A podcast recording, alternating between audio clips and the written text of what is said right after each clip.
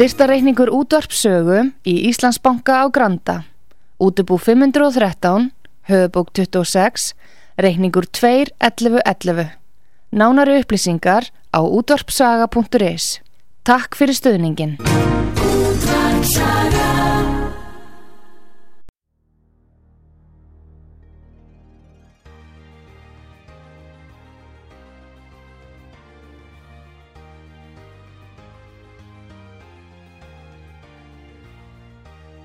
Heimsmálinn í umsjón Pétur Gunnlaugssonar.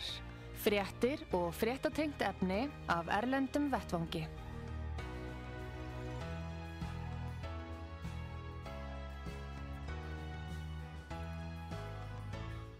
Góðir eh, hlustendur, er að hlusta á útvart sögu, ég heiti Pétur Gunnlaugsson og ég ætla að ræða við hann Gustaf Skúlason, okkar mann í Svíþjóð. Sæl og blessaði Gustaf.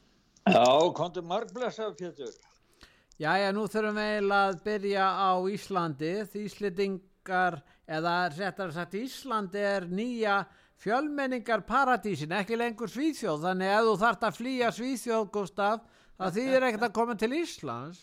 Nei, það, ég ætti kannski að fara hérna bara og aðtófa mér fyrir fjölskylduna bara miða aðra leið til Venezuela maður. Eða Já, til Íslands. já, Eða til Íslands. Nefna já. þeir kannski fara að vinna ólíu þarna í Venezuela, þeir verða kannski ríkir í framtíðin að liggja á þessu, ég veit að. Já, nei það er sko, sko þessi fjölmenningastefna í heiminum, hún er, það er nú ímislegt að gerast í þeim málum skal ég segja. Nei það var, það hefur nú vist verið í fréttum eitthvað á Íslandi held ég, en það kom til okkar út af sögu mynd af auglýsingu frá ferðarskristu í Venezuela Já, og, og, því miður þá, þetta var bara ljósmynd, þannig að við fórum að aftöfum málið og þá kemur í ljós að þetta fundum ferðarskriftuna og heimasíða henni, þá var hennar er auglist og rætt fjálglega um Ísland sem bara paradís á jörðu fyrir Já. flóttamenn og þeirra sem vilja flytja eitthvað erlendis frá Venezuela og byrja, byrja og búa til nýtt líf eða eignast nýtt líf. paradís á kostnað íslenskar skattgreðenda, einfallega. Já, greinilega. Og svo sko í þessari þegar maður stækkar þessa mynd sem við fengum þá og þittin og sett inn og þá spyrir ferðarskipstofan já, hver er nú, hver er nú besti kostur nú að búa á Íslandi, þá bara miða við öll önnu lönd í heiminum. Já, Jú, fyrir utan það Ísland er eiland stórbróti landslag, ótrúlega hlunnindi, þá er mentakerfi fyrsta flóks, almannatrygginga fyrsta flóks og lámaslaunin er á bilinu 500 til 860 þúsund á mánuði. Já, og það er sem sagt ótrúlega hlunnindi ef þú flyttur með fjölskylduna ánga og þú farið viku greiðslir í ákveðin tíma. Og svo þeir farið inn á sko, þeir segja að það séu hæstu laun á Íslandi miðaði allan megin álfuna og jú, jú, það er svolítið dýrt á Íslandi en það er leiðrétt að hverju mánuði sem sagt, þá er bara eh, gert upp þannig að maður tapar ekki launum sko, þetta er alveg ótrúlega maður. svo er bensín og orkan svo ódýr á Íslandi og það er svona kostar að lítið og nota það á þjónustu.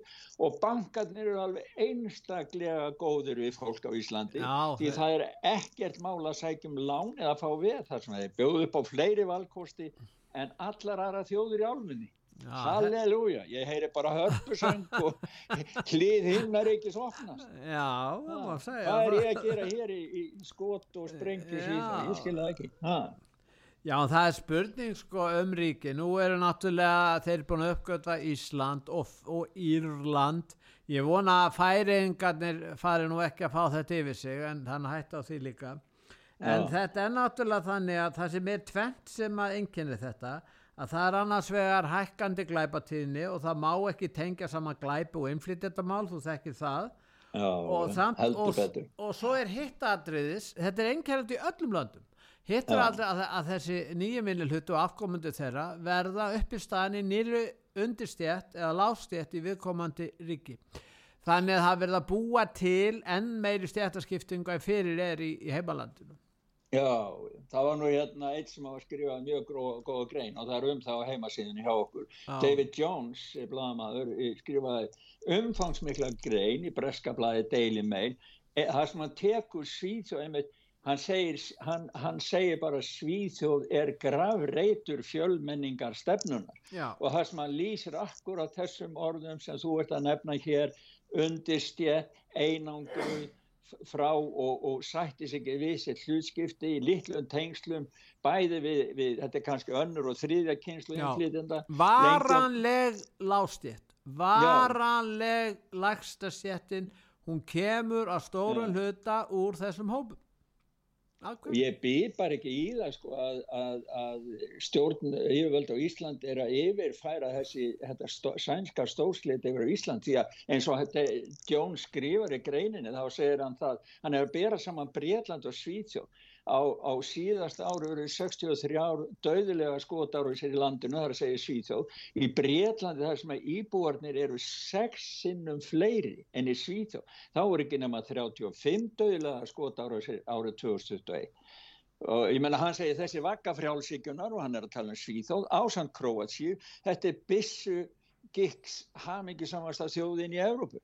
Og Guð hjálpi og forði Íslandi bara frá því ef þetta á að koma til ykkar Já, en ég minna, þá getum við kannski varpa fram þeirri spurningu, Gustaf, og þetta er mjög mikilvægt, við erum búin að hafa, þú ert búin að tala við okkur lengi og lýsa ástand, ástandin í Svíþjóð, en, en það er eins og fólk get ekki lært að mistokkunum, þrátt fyrir það að þessi einkennir allstar þau sömu. Það er engin undantekning, það er allstar sama vandamálu, hvað sem þú kemur í ákveðna borgir í hverfi í London eða Malmö eða hvar sem hún ferði þá ferði í Sentinni hverfið sem var náttúrulega sko með þessari frægu elstu, eina elstu domkirkju Evrópu Já. og hvernig þessi hverfi hafa þróast. Þetta er bara þeir fara að stjórna þessum hverfum og, þetta mun nákvæmlega gerast hér á Íslandi eins að bara kannski við erum bara kannski svona 10-20 árum og eftir eða kannski 30 árum, ég skal ekki segja.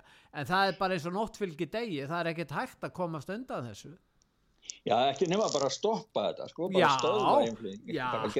bara en taka, það er eina leiðin er bara að sko hafa þá stefnu, jújú, jú, að taka nokkra menn gegnum flottamannahjálpun og velja þá, þá sjálfur og síðan að velja þá einstaklingar sem viðkomandi þjóðriki þarf á að halda og vill fá inn í landi það er, það það er, nú, já, það er nú ekkit allir sátti við þetta því að til dæmis í, í Írlandi þá eru miklar mókmálagöngur þar út af þessu. Það bara megin miðlar er ekkit að segja frá því svo fólk á ekki að vita um það að þetta segja að gerast. Þú... og það er sko þar hefur fólk verið handtekið og það, það er sagt að þetta sé bara hægra ofstæki segja yfirvöld sko og það er bara fullt stríð þar en þeir, þeir eru að mótmæla akkurat þessum hluti sem við erum að ræða Þetta er alveg líki... sama hjá þeim eins og það sko, Já. Írland var fátakasta ríki í Evrópu meira að segja lengur heldur en við.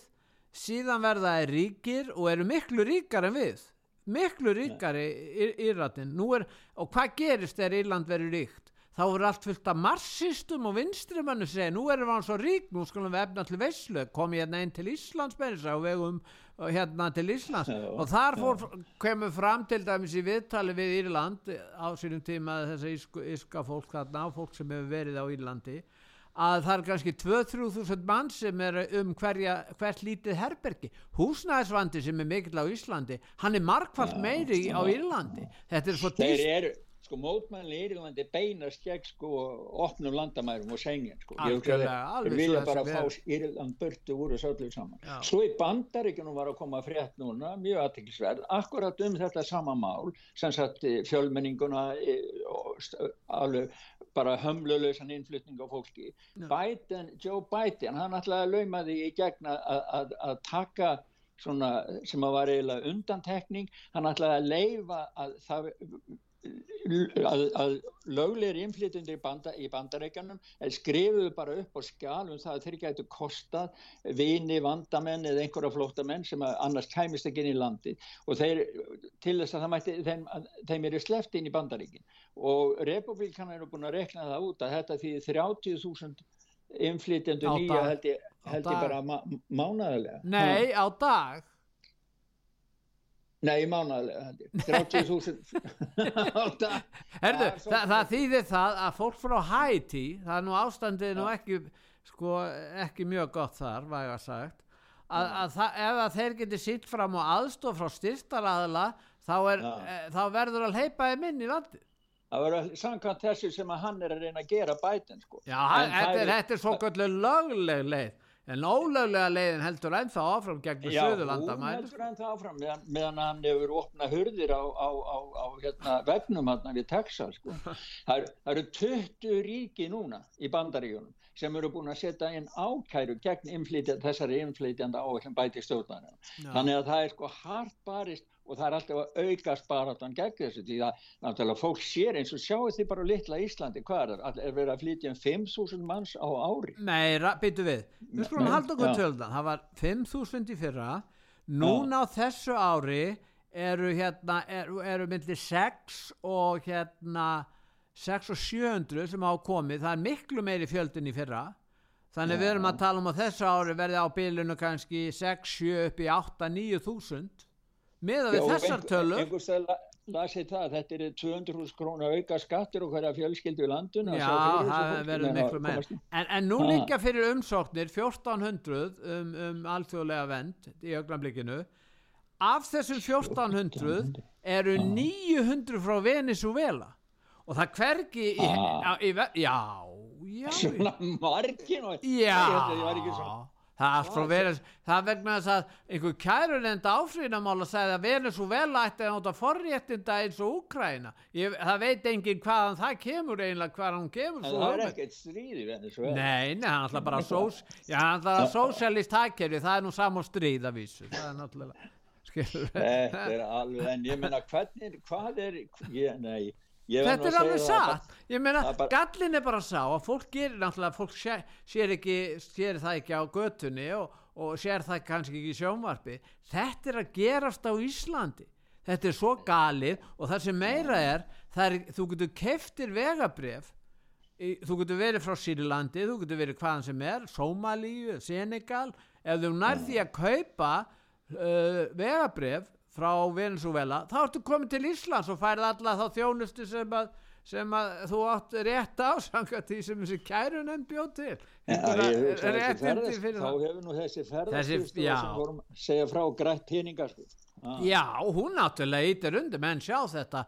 Og, og hérna akkur ekki? Og ég meina, ég er svolítið hiss og ég er búin að segja það lengi Gustaf það er engin ja. ástæðla gaggrína þessa innflytjendur, flóttamenn löglega, ólöglega, hvernig sé þetta er.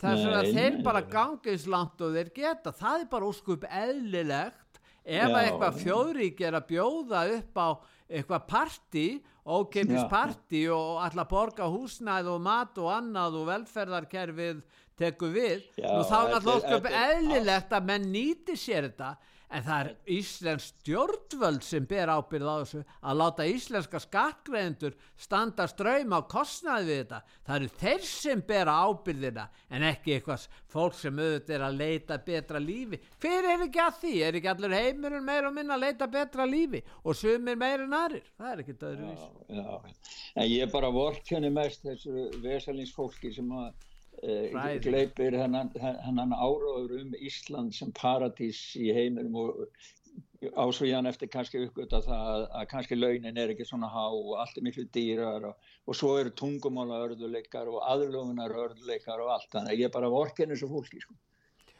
en, en heyrðu hérna Eða við að, að hérna ef ekki að skell okkur hérna til þetta Nord Stream dæmi? Það er nú að koma í ljós að það er þessi þekti hann er sennilega í tektasti rannsóknarbladamæður uh, heims, Seymour Hers hvað segir þú það? Já, hann, hann, hann skrifaði skýslu sko og Já. sem hefur verið gríðarlega mikið fjallað um og, og hérna eh, bara allstæðir í heiminum Já. og meiri sé Fox News, Tucker Carlson, við hlustum nú að bytta með hún, hljóput og honum að eftir en, en hann, hann sagði það að þetta gæti ekki verið annað sko flestum enn er satt því að það er svo mikið af smá atriðum e, nákvæmum smá atriðum sem er bara ekki hægt að segja frá nema maður þekkir til mála eða hafi aðgengi að þeim sem að vita hvað skeiði og þetta er náttúrulega algjör neysa fyrir bandaríkastjórn og Norrögu var með því sem Norrögu hjálpaði NATO, náttúrulega ríki og hjálpaði bandaríkjamönnum að finna hvaða besti staður væri til að senda kavara niður og setja sprengunar. Svo hefur verið að ræða um það hérna á valkostafjölumölum hérna í Svíðsjóð hvort að Svíjar og Danir hafi vitað um þetta og verið þáttakandur í þessu eða ekki. En það er svolítið óljóst. Það eru upplýsingar um það að NATO hafi varað Svíja við eða látið að vita af þessu en ég veit ekki hvers, hversu miklu mæli því að Svíjar hafa talað þannig eins og þeir hafi ekki vitað um neitt og þeir hafi einhverju liti kannski verið í þetta líka sko en stóra málið er og við ættum kannski að rifja upp til áminningar um það hverju bætin lofaði og hún þarna sem að var vara Er það ekki Viktoria Núland sem er aðstæðar á þeirra? Þau tvö eru saman núna á einu hljóðbútt.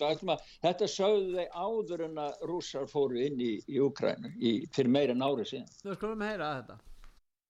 Let me answer the first question first. If Russia invades, uh, that means tanks or troops crossing the, the, the border of Ukraine uh, again, then uh, there will be uh, we there will be no longer a Nord Stream two. We we will bring an end to it. What do, what, how will you how will you do that exactly, since the project and control of the project is within Germany's control? We will. I promise you we'll be able to do it. With regard to Nord Stream 2, we continue to have uh, very strong and clear conversations uh, with our German allies, and I want to be clear with you today. If Russia invades Ukraine, one way or another, Nord Stream 2 will not move forward. Já, þarna er þetta er fyrir áður en að innrásin er og þetta er, það stóð til að ráðast inn í landir, voru ekki búin allir rússarnir, en það lýsa þeir yfir bæði Biden og, og Núland að Victoria að uh, það verði þessi Nord Stream verði stöðvað. Það Já, þau lofa því og, og, og, og lofurði sem við hefum Biden gefa um að, um að stöða þetta. Ba, ba, þá var, var hann hérna Schulz, uh, Tískalands uh, maðurinn hérna við hliðin á og kanslari Þýskalands og á blagamannafundi í kvítahúsun þegar hann lofar þessu sko. Þannig að þetta er, hann kemst ekkert frá þessu sko og eh, Snóten hann Edvard Snowden sem hefur nú verið í ýmsum málum hann í sambandi við bandaríkin sko. hann ja. sendi frá sér týst og sagði það sko að því að kvításin átil á bandaríkin neinin, við höfum ekkert gert neitt þetta, Biden sagði til og með að þetta væri rússarnir sem væri sjálfur sem hefðu gert þetta ja, og og þá sagði Snowden sko þetta er náttúrulega ekkit í fyrsta skipti sem bandaríkjan neyta því að hafa verið með í leinleiri aðgerð en Tökkur Karlsson hann fór og reyði þetta allt í tætlur og ættum að hlusta á hann hlusta hvað hann segir um þetta oh. Investigative reporter Seymour Hersh who's been around for more than 50 years just wrote a piece on Substack that includes this quote Last June, the Navy divers, U.S. Navy divers, operating under the cover of a widely publicized midsummer NATO exercise known as Baltops 22, planted remotely triggered explosives that three months later destroyed three of the four Nord Stream pipelines, according to a source with direct knowledge of the operational planning. Now, this piece continues. It's probably the most comprehensive news story you will read this year. Seymour Hirsch on Substack, you should read it. And it recounts in detail meetings with the National Security Advisor at the White House, where this was planned, exactly what explosives were used, how they were triggered, by what aircraft, on what day. So many details in here that it is not possible that it's not true. It is true. Já, hann er að lýsa í smáadröðum, eða Seymour Hers lýsir í smáadröðum hvað gerðist, þann hef, þetta er einhver umfangsmasta fréttagrein sem hefur byrst núna og það mm. ég held að sé enginn sem er að mótmála því að Seymour fari með rétt mál og tökkir er að vísa í hann í þessu og fer nokkur nákvæmlega í það. Já, og það er sko, en það er, það er eins og heimurinn hafi bara farað á annan endan eftir þessa uppljóstum sko og ef maður tekur dæmi sko þá náttúrulega margir sagt margt um þetta en daginn eftir þá var uh, tilkynnti Európa-sambandið, það var náttúrulega búið undirbúningi enn en eitt pakkan um refsaðgerði í gagast Rúslandi sko. þeir eru eins og bara, ég veit ekki hvað blind fíla hér þarna nýri Brussel sko. það verðist vera alveg sama hvað refsaðgerðin að bitna harta á íbúum Európu í orkuverdi, orkuleysi og almennir fátækt að þeir halda bara áfram sko, stanga, stanga hausin blóðan og síðan var sko eitt hérna sérfræðingur í mannréttinda alþjóðlegum og sáttmála saminuði þjóðana sem skrifaði sko grein um það að, að þetta væri brota á öllum helstu alþjóðlegum og sáttmála saminuði þjóðana. Hann heitir Alfred de Sayas, professor í þjóðrétti. Já, hann skrifaði það að sprenging í bandaríkjana á Nord Stream feli sér fjölmörg brot á alþjóðalögum og sáttmála saminuð þjóðana og það eru, það eru um allt þetta má lesa á heimasíðu sög, út af sögur sko. En það er, sko, eitt er það að bandaríki gerir þetta, en núna kemur fram hjá Seymour að norðmennir tóku þátt í þessu og þá vaknar svo spurning Gustaf, eru norðmenn og norski yfirvöld og þessi stílið þessu, eru þetta má stimpla þá sem hriðjuverka menn, hvað segir þú það?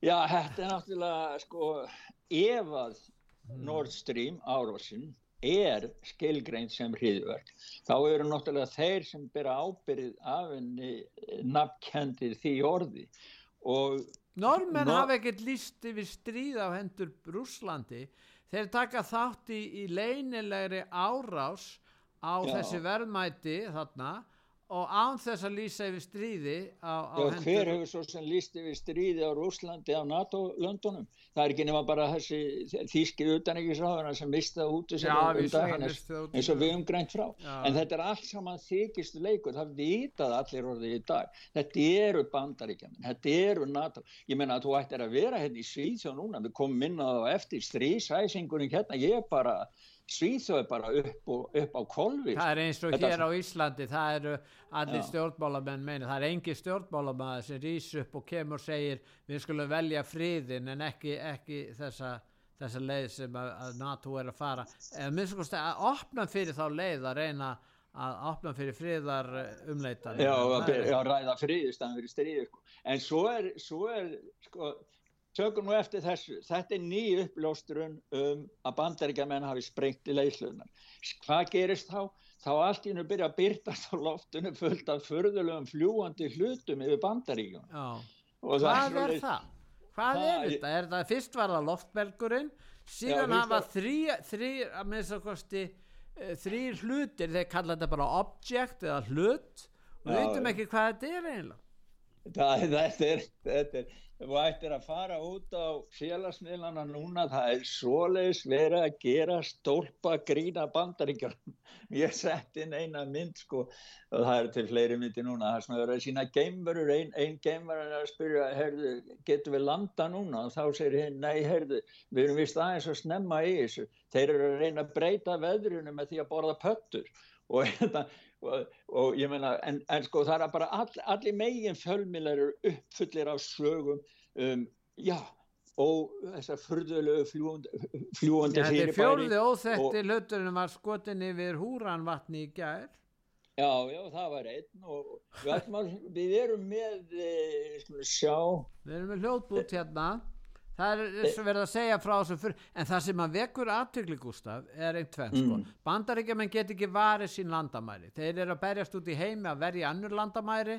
Þeir, þeir gáttu borgað múrin í Ísrael og svo eru þeir í Úkræn að styðja það. En þeir get ekki varið sín landamæri hvorki söðurlandamærin eða norðurlandamærin. En, mm. og þeir geta ekki varið lofthelgi sína. Þeir vita ekkert hvað. Það eru, það eru hlutir að streyma inn í lofthelgina og þeir segjast vera svona mikið herrveldi og getur sko uh, verið með sko einhvers konar áallanir um að skjóta niður alla, alla hluti sem kom inn í loftelgina en hvað gerist? Þeir, það er eitthvað meira háttar að í þessu vardakerfi þeirra, er það ekki? Já, kannski er nú bara sko, þetta með, með þetta sem er að gerast með þess að fljúandi förluti, nú, nú kom nú Kanada og Justin Trudeau held náttúrulega, hann útiloka ekki, þetta gæti verið, verið hérna, fljúandi förlutir, bara eitthvað úr geimnum. Og, og síðan er CNN með viðtölvið hérna e, flugmennina, það sem er lýsa einn hlutur um að átt hindur og einn flugmennu spyr bara ég skil ekkert í hvernig hann gæti hangi í loftinu bara á hans að reyfa sig Og, og þannig að það er verið að íja af því að þetta geti verið eitthvað annað heldur en tilhæri í örðina, þetta geti að verið einhverja geimverur þannig að, sko, þannig að, við ætlum að heyra ég, sko það er svo mikið núna að fréttum í kringum þetta að Já, skulum, ég, Ég tók bara aðeins smá part úr CNN. Já, við skulum taka, taka, hlusta það.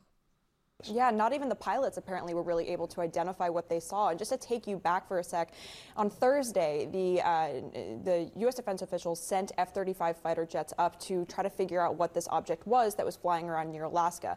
Those pilots, we have learned, have given very conflicting accounts of what they actually experienced. With some pilots saying that the, the object interfered with the plane's sensors, other pilots saying that they didn't really experience that, other pilots saying that when they looked at the object, they could identify no identifiable. Uh, identifiable propulsion system, and they did not know how it was actually staying in the air, cruising at that altitude of about 40,000 feet.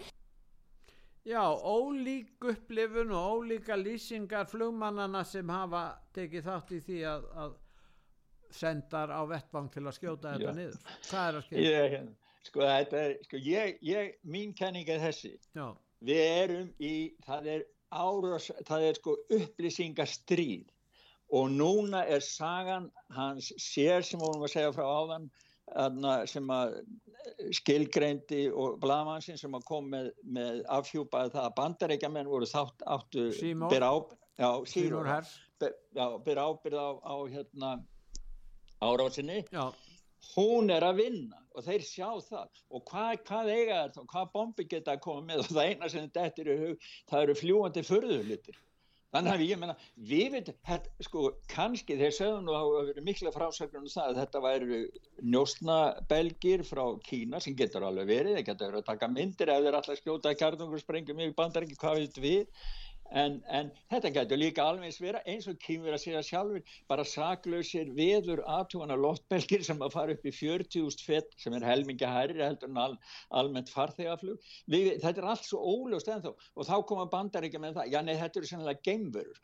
Og fá, fá Justin Trudeau til þess að vera með sér í því að koma þeirri kenning á. Svo við eigum að trúa því og að það séu núna árás frá geimverum á bandaríkjunum og gleyma því að bandaríkjumenn hafa eiga ábyrðin á því að hafa sprengt, sprengt hérna Nord Stream. já, það eru margir sem trúa því að geimverur sé að út um allt, það eru þættir í, í, í hérna, sagfræði þættirnir og history og þetta, það er stöðut verið að fjallum einhverja aliens eða, eða einhverja furðuverur annar staða frá. Og, og þannig að þetta verður nú aldeilis fæða handa þessu fólki. já, já, ég hugsaði sé bara að þannig sko að geimverurnar, þetta eru bara vinir Bidens, bara koma hann og ringti þau bara og sættum komið og bjargi mér.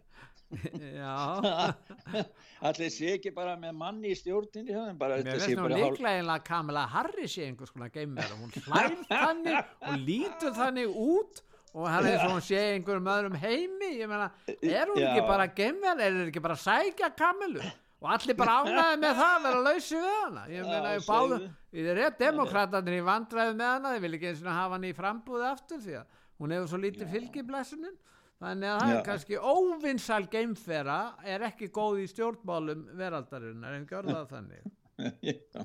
En, en ef ekki að við skulum hlusta á nokkrar auðlýsingar Gustaf og eftir auðlýsingar hér þá byrjum við að segja frá ymsum málum það er tjáningafrelsi og það eru þetta, þetta með hérna COVID bóluefnin, Úkræn og fleira og fleira herðu við ætlum að hlusta núna á auðlýsingar Gustaf Já.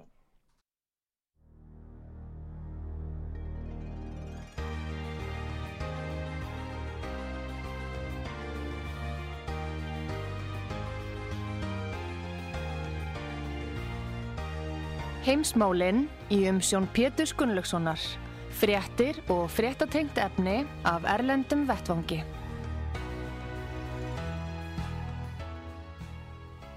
Góðir eh, hlustendur, þeir að hlusta á útvarpsögu, ég heiti Pétur Gunnlaugsson og ég er að ræða við hann Gustaf Skúlason, okkar mann í Svíð og Gustaf það er eh, tryggingasérfræðingur bandarískur sem heitir Josh Sterling.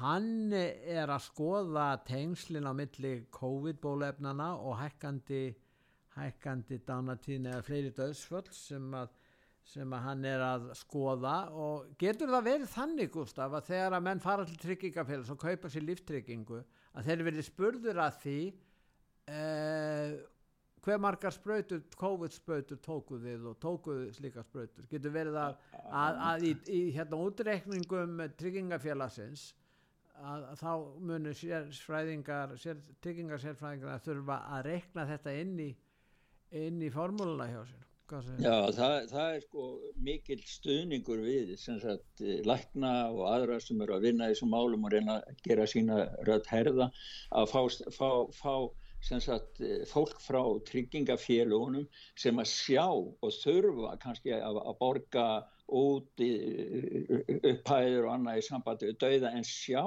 þennan ofur dauða sem er út um allan heim. Og Joe Stirling hann, hann eh, sko það getur vel farið svo spurningi sem þú ert með er alveg 100% lögmætt ef að þetta er útkoman úr dæminu að, að ofur dauði er vegna bólefnana. Ja, þeir eru að skoða það Gustaf, það er náttúrulega eðlilegt að tryggingasérfræðinga sjá að það fara meiri peningar út úr tryggingafélaginu, þá þurfa að hækka yðgjöldin, þetta, þetta snertir svo marga. Einmitt, sko. Já, og þá geta að farið svo sko, að, að þeir sem eru bólusettir eða eru eldast við örfunaspröytur eða eru bara komnir inn í víta ringa verið að taka spröytuna á þryggja mánu að frestið að það verði bara hækkuð ígöldur þessi, hann var í, í hann mætti fyrir uh, öldungadeilda þingmaðurinn Ron Johnson var með umræður með smá hann er frá Wisconsin já, já, já. læknaði panel og hann var þar og við hlustum á það sem hann sagði Já, skulum hlusta hvað Josh sagði who took the vaccine have a 26% higher mortality rate. The people who are under the age of 50 who took the vaccine now have a 49% higher mortality rate. And worst of all, the people who only took one dose of the vaccine have approximately 145% dose, uh, worse mortality rate. And if you were to take these numbers and just apply them to the United States, that ends up being something like 600,000 excess deaths per year in the United States from this higher vaccine-induced mortality. 600.000 fleiri döðsföll á ári miða með þessar tölur. Til dæmis eh, aukna líkur á döðsfalli hjá fólki undir 40 er 49% segir hann Já, hann er að vitna í sko eh, heimildir ofinberg gögn, viðkend gögn bresku hagstónar um, um dánar hlutvöllin í Breitlandi og það er sko, það hefur bara farið kaldur hróllur um allt vísinda samfélagi bara um allan nöttin sko þessar tölur sem eru að koma frá Breitlandi og hann yfirfærði þar, hann, hann lýsi tölunum þar og svo hann yfirfærði það yfir á bandaríkjunum því þetta, en núna var að koma í bandaríkjunum eh, mjög umfangsmikil rannsók það sem að könnun sem að ég held að hafi verið Rasmussen hafi gert það að ringdi í 2800 manns eitthvað svo leiðs og við erum að ræða um sko sem að var eiginlega gerð til þess að finna út ástæðuna fyrir því ákveður fólk neitaði að fara í bólusetningar en þegar þeir voru að spurja fólk þá komist þeirra að því sko það komist náttúrulega að því að þeir sem að e, þekktu einhvern sem að hafi fengið COVID og farið íllótur í, þeir voru líklega til að láta bólusetja sig heldur en hinn er sem þekkt ekki fólk sem hafa farið íllótur að það kannski myndi ekki vilja láta bólusetja sig mm. en e, þeir fengu útkomu í leiðinni sem leiði til þess að e, að, að um 217.000 bandaríkjaman hafið dáið að fyrsta árið að völdu bólefnuna mRNA og það hafi skadað 33 miljónir. Sko þetta er, þetta er og, og miða við þessa tölur þá væri hægt áallega í fyrra hefði kannski 5-600 húsum að stáið og miða við allan heiminn þá ætti dánatóllurinn að vera komin upp í 10-12 miljónar manns. Þetta eru svona sagt, útfæringar á þessum tölum sem byggja þessari rannsók og hún náði til eh, hún var gerð í, í desember sem sagt eh, um málinn í desember 2021 meðal 2840 bandarækjana að þá hafi sem sagt að völdum COVID-spröytana bara þetta ár dái millir 217.330 og 382.608 manns. Og þetta, þetta, er, sko, þetta er svo hrigalega tölu þú veist það er erfitt að melda þetta það er bara mjög erfitt. En þessi rannsók ég tók sjálfa skýsluna á ennsku og hún liggur aðgengilega á heimasíðu svo ef fólk vil fara að kynna sér alla eh, tölfræðina í þessu.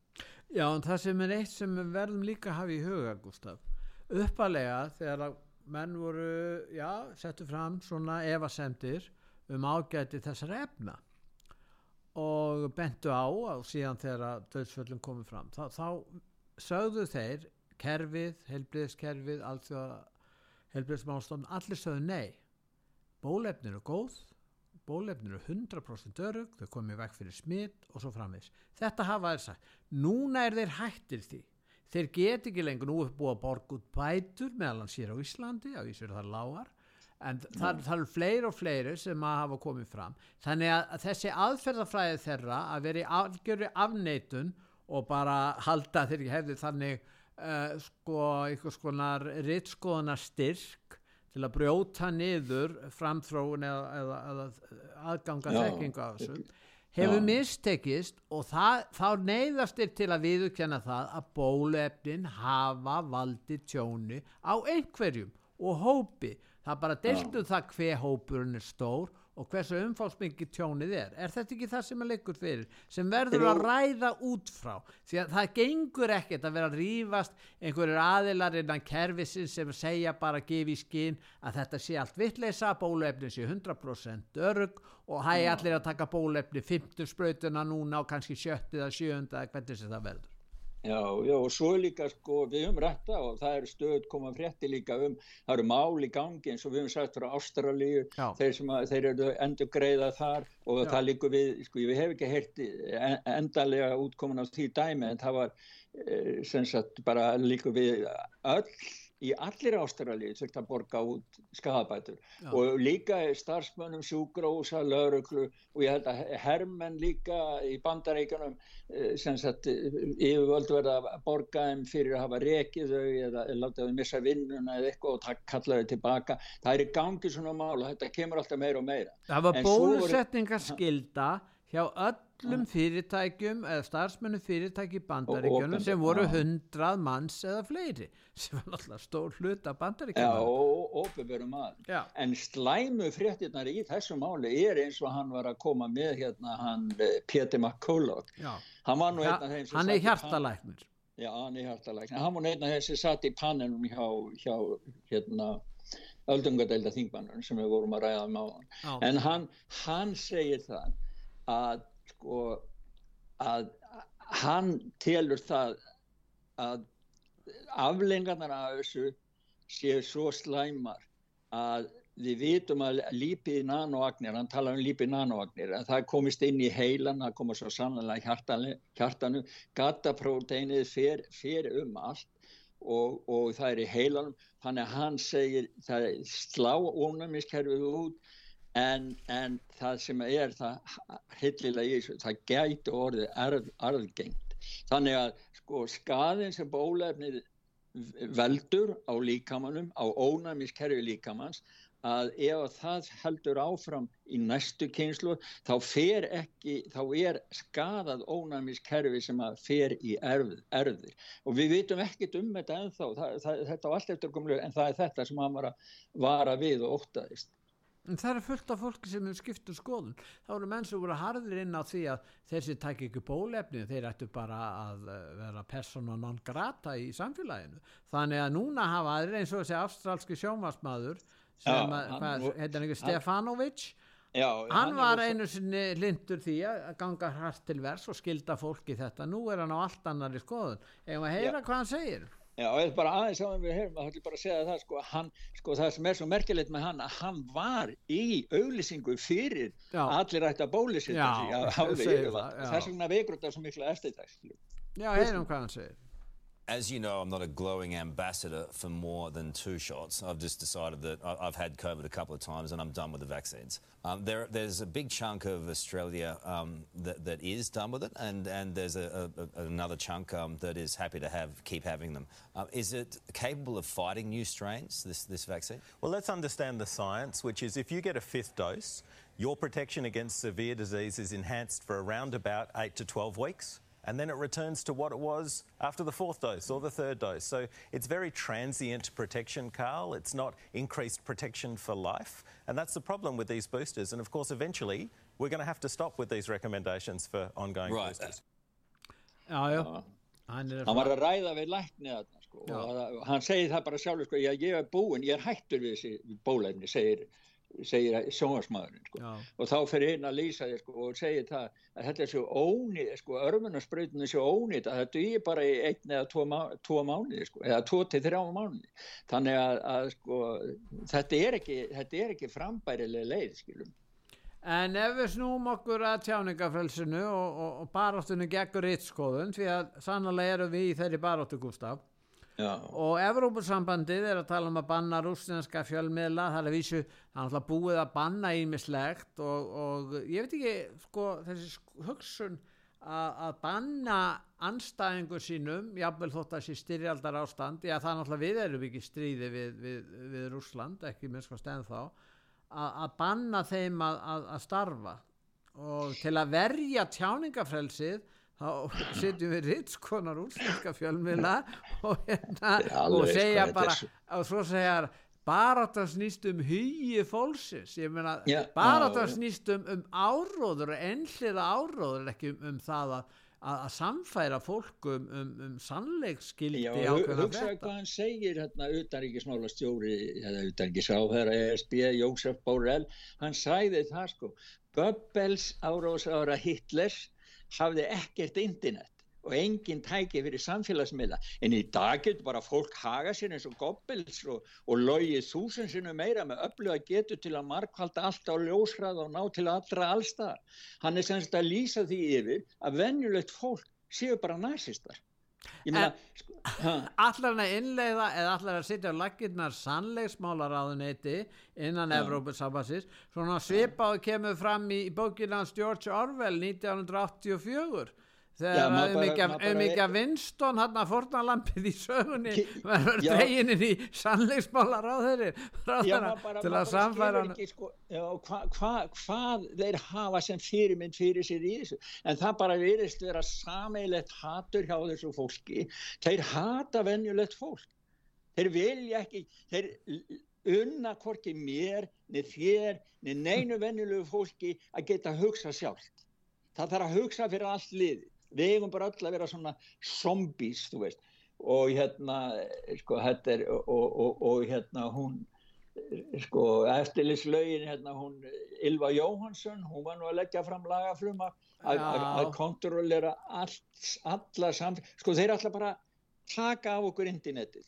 Við, það, á- við að Jú, interneti væri en það er undir stjórn svo kallar chat control eða undir eftirlitsreglum lögum Evrópusambassins þannig að þetta verður svona kynversk eh, framleiking á því sem að eh, kynverja, kynverska kerfið Já, já hefur þeir eru sko. bara að koma því á, sko. það er bara það sem þeir vilja, sko.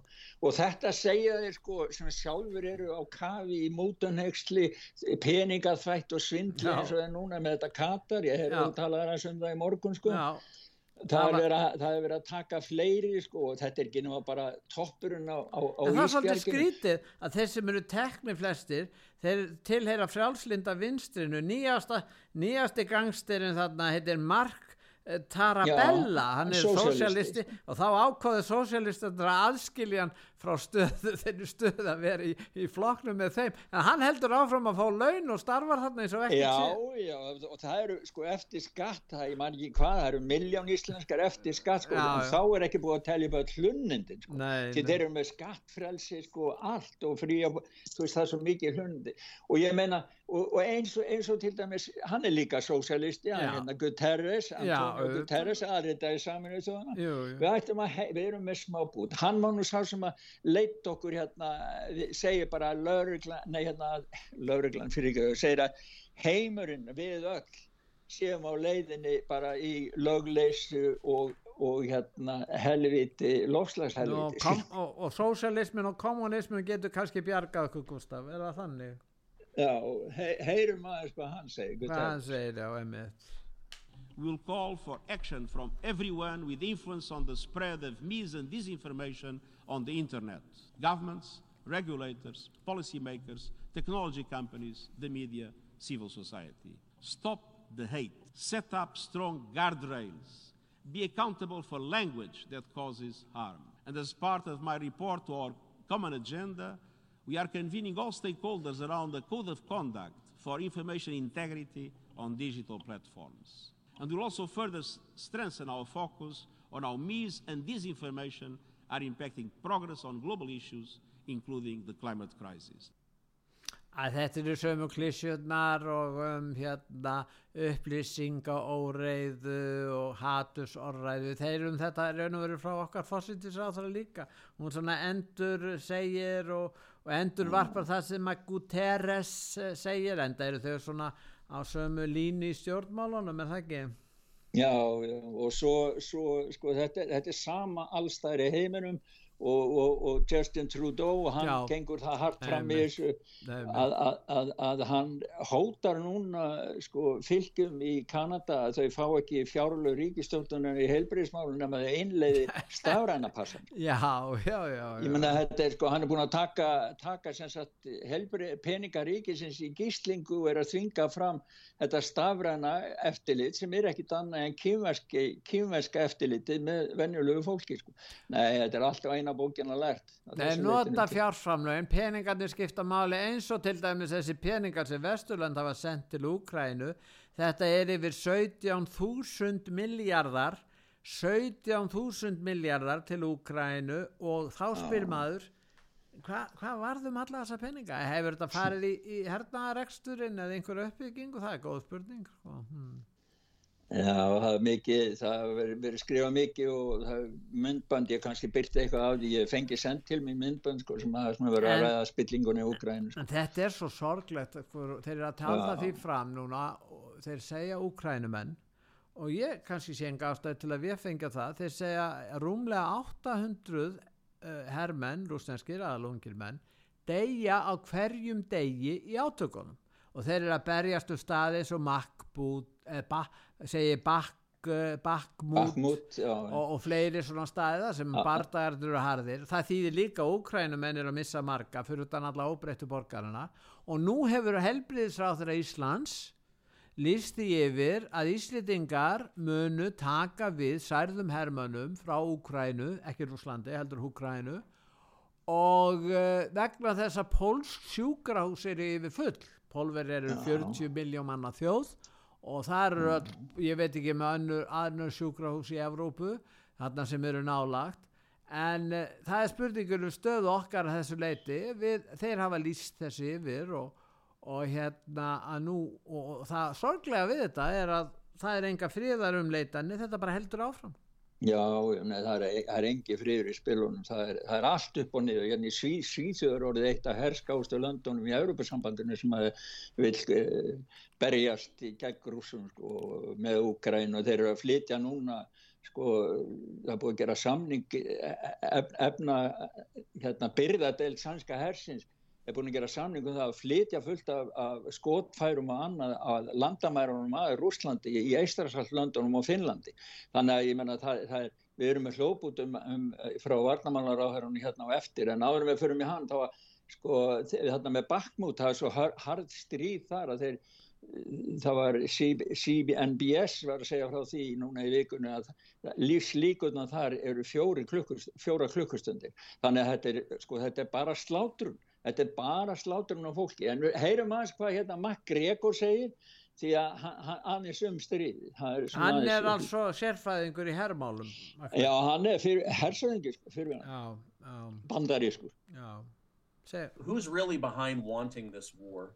Well, I think it's clear that the American people are largely divorced from the reality of this conflict as they have been for the last 30 years, uh, divorced from all the conflicts. War has always been something that happened far away on somebody else's soil. The difference uh, this time is that uh, Washington has decided, along with help and assistance, particularly from its allies in London and the global financial community run out of New York City, to wage war on the Russian state uh, with the goal of not simply regime change, but ultimately destroying the state, potentially dismembering it.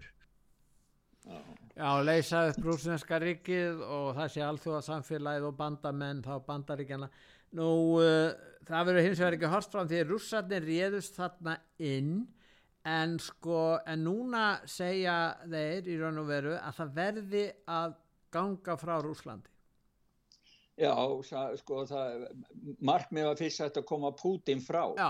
en, en, en núna markmið er bara eins og þeir skrifuðu frá byrjun alveg þarna, eftir að rúsa fór inn í Krím, það er það að, að að Úgræna endur heimti Krímskagan og löndin hann í austri.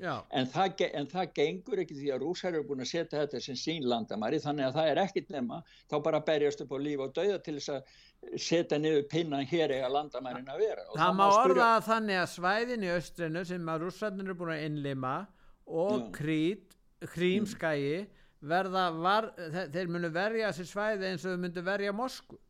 Já, það er þannig sem þeir segja það og hafa sagt allan tíman og það er ekkert á borðinu sem, sem, breyti því neitt. Og nú eru Vesturlönd og NATO að senda vott til Úgrænu þar sem þeir geta skotið á Krím og landin í Rússland. Þannig að sko ef eitthvað er þá er bara stríða stigmagnast.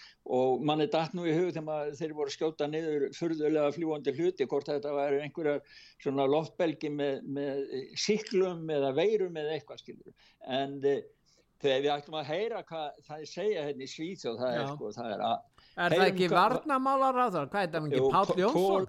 Pól Jónsson heitir hann, varnamálar Já, Páll Jónsson. Já, Já, Páll hann vil Jónsson, senda hermenn til Eistrasalsríkjana. Eh, vad vi ju ser är en allt djupare integration av Sverige in i NATO på den militära sidan. Grunden är att vi pekar ut ett antal kvalitativa och kvantitativa målsättningar på olika militära resurser som vi kan bidra till NATOs gemensamma försvar. Det kan handla om sjöstridskrafter, markstridskrafter eller luftstridskrafter och detta ska då ingå i NATOs gemensamma försvarsplanering. Framförallt i de länderna som är frontländer gentemot eh, Ryssland. Ja, han är að här það Svenska, að svenska sé bæði loft, flug og landher sé núna í höndum NATO til, a, til að nota í og flytja yfir og nota í löndunum sem eru með landamæra að Rúslandi í stríðinu gegn Rúslandi. Þannig er nú afstæða svíða í dag og það er svolítið annar tótt heldur en hún var bara hérna fyrir nokkrum árum síðan. Já, enda við nú einlega konið fram en tíma en það er líka við ætlum að Já. segja frá sænsku fréttum bandaríkjamenn vara við hriðiverkum í Svíþjóð og talibanar hótar hriðiverka árásum í Stokkólmi út af Já, þessum eftir koronabrennurnar nú Já. svo er Hamas farin að koma fram með hugmyndur um alþjóðlegan íslamskan domstól til að dæma þessa koronumann þennan, þegar hann er nú þeir eru nú eftir að drepa hann vantarlega þennan Palúta Já, það er ábyggilega búið að gera svona fatva, þú veist, um hana, bara hann sé réttræpur eins og og síðan er það helmingurinn af, af, af ramagsverði í Svíþjóð er vegna þess að búið er að loka kjarnorkuverum. Já, svo er hérna einn smáfrétt sem við verðum aðeins að segja frá hérna, Breska kirkjan, hún, hún er núna, það er komið fram kvartanir um það að Guð sé kalkins, að maður segja hann Guð, það má ekki lengur. feministarnir sögðu að það væri kona hann hefur verið faðir og nú er hann hvorki faðir nýja kona og það er það sem á að vera einhver kynlaus guð Já, já, kynlaus Guð og þá, ég spyr sjálf með mig bara, sko, hvernig á að segja faðir voru það er bannað, það verður bannað það verður bannað Já, en, en, en maður vil nú vera kristinn og fylgja lögunum, má maður það segja fóreldri e- eitt. Ég veit það ekki, ég bara ekki fó- hugmynd það sko ha. Fóreldri eitt, þú sem ert á himn. Nei, ég veit það ekki, sko, þetta er, þetta er alveg, en mér tók sama henn að það var ágætt út af öllu þessu réttrúna dellu, verið að eiðilegja málfæri okkar. Þetta er bara menningabildingi frá Mao sem er að eh, eh, komin afturgang gengin um allan heiminn. þetta er stutt lag sem þú sendir Já, það er ein mínúta og það, þeir eru að syngja um þetta Monty Python. við skulum Og að heyra það. Þakka þér innilega fyrir Gustaf Já, og, sömulegis. og það ég þakka hlustendum út var sögu verið þið sæl.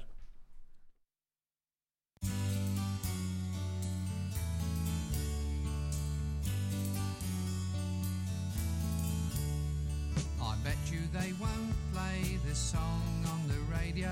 I bet you they won't play this new song. It's not that it's or controversial, just that the ing words are awfully strong. You can't say on the radio or or or you can't even say I'd like to you someday, unless you're a doctor with a very large. So I bet you they won't play this song on the radio. I bet you they dare well program it. I bet you they're ingol program directors who think it's a load of horse. Here comes another one. Here it comes again. Here comes another one.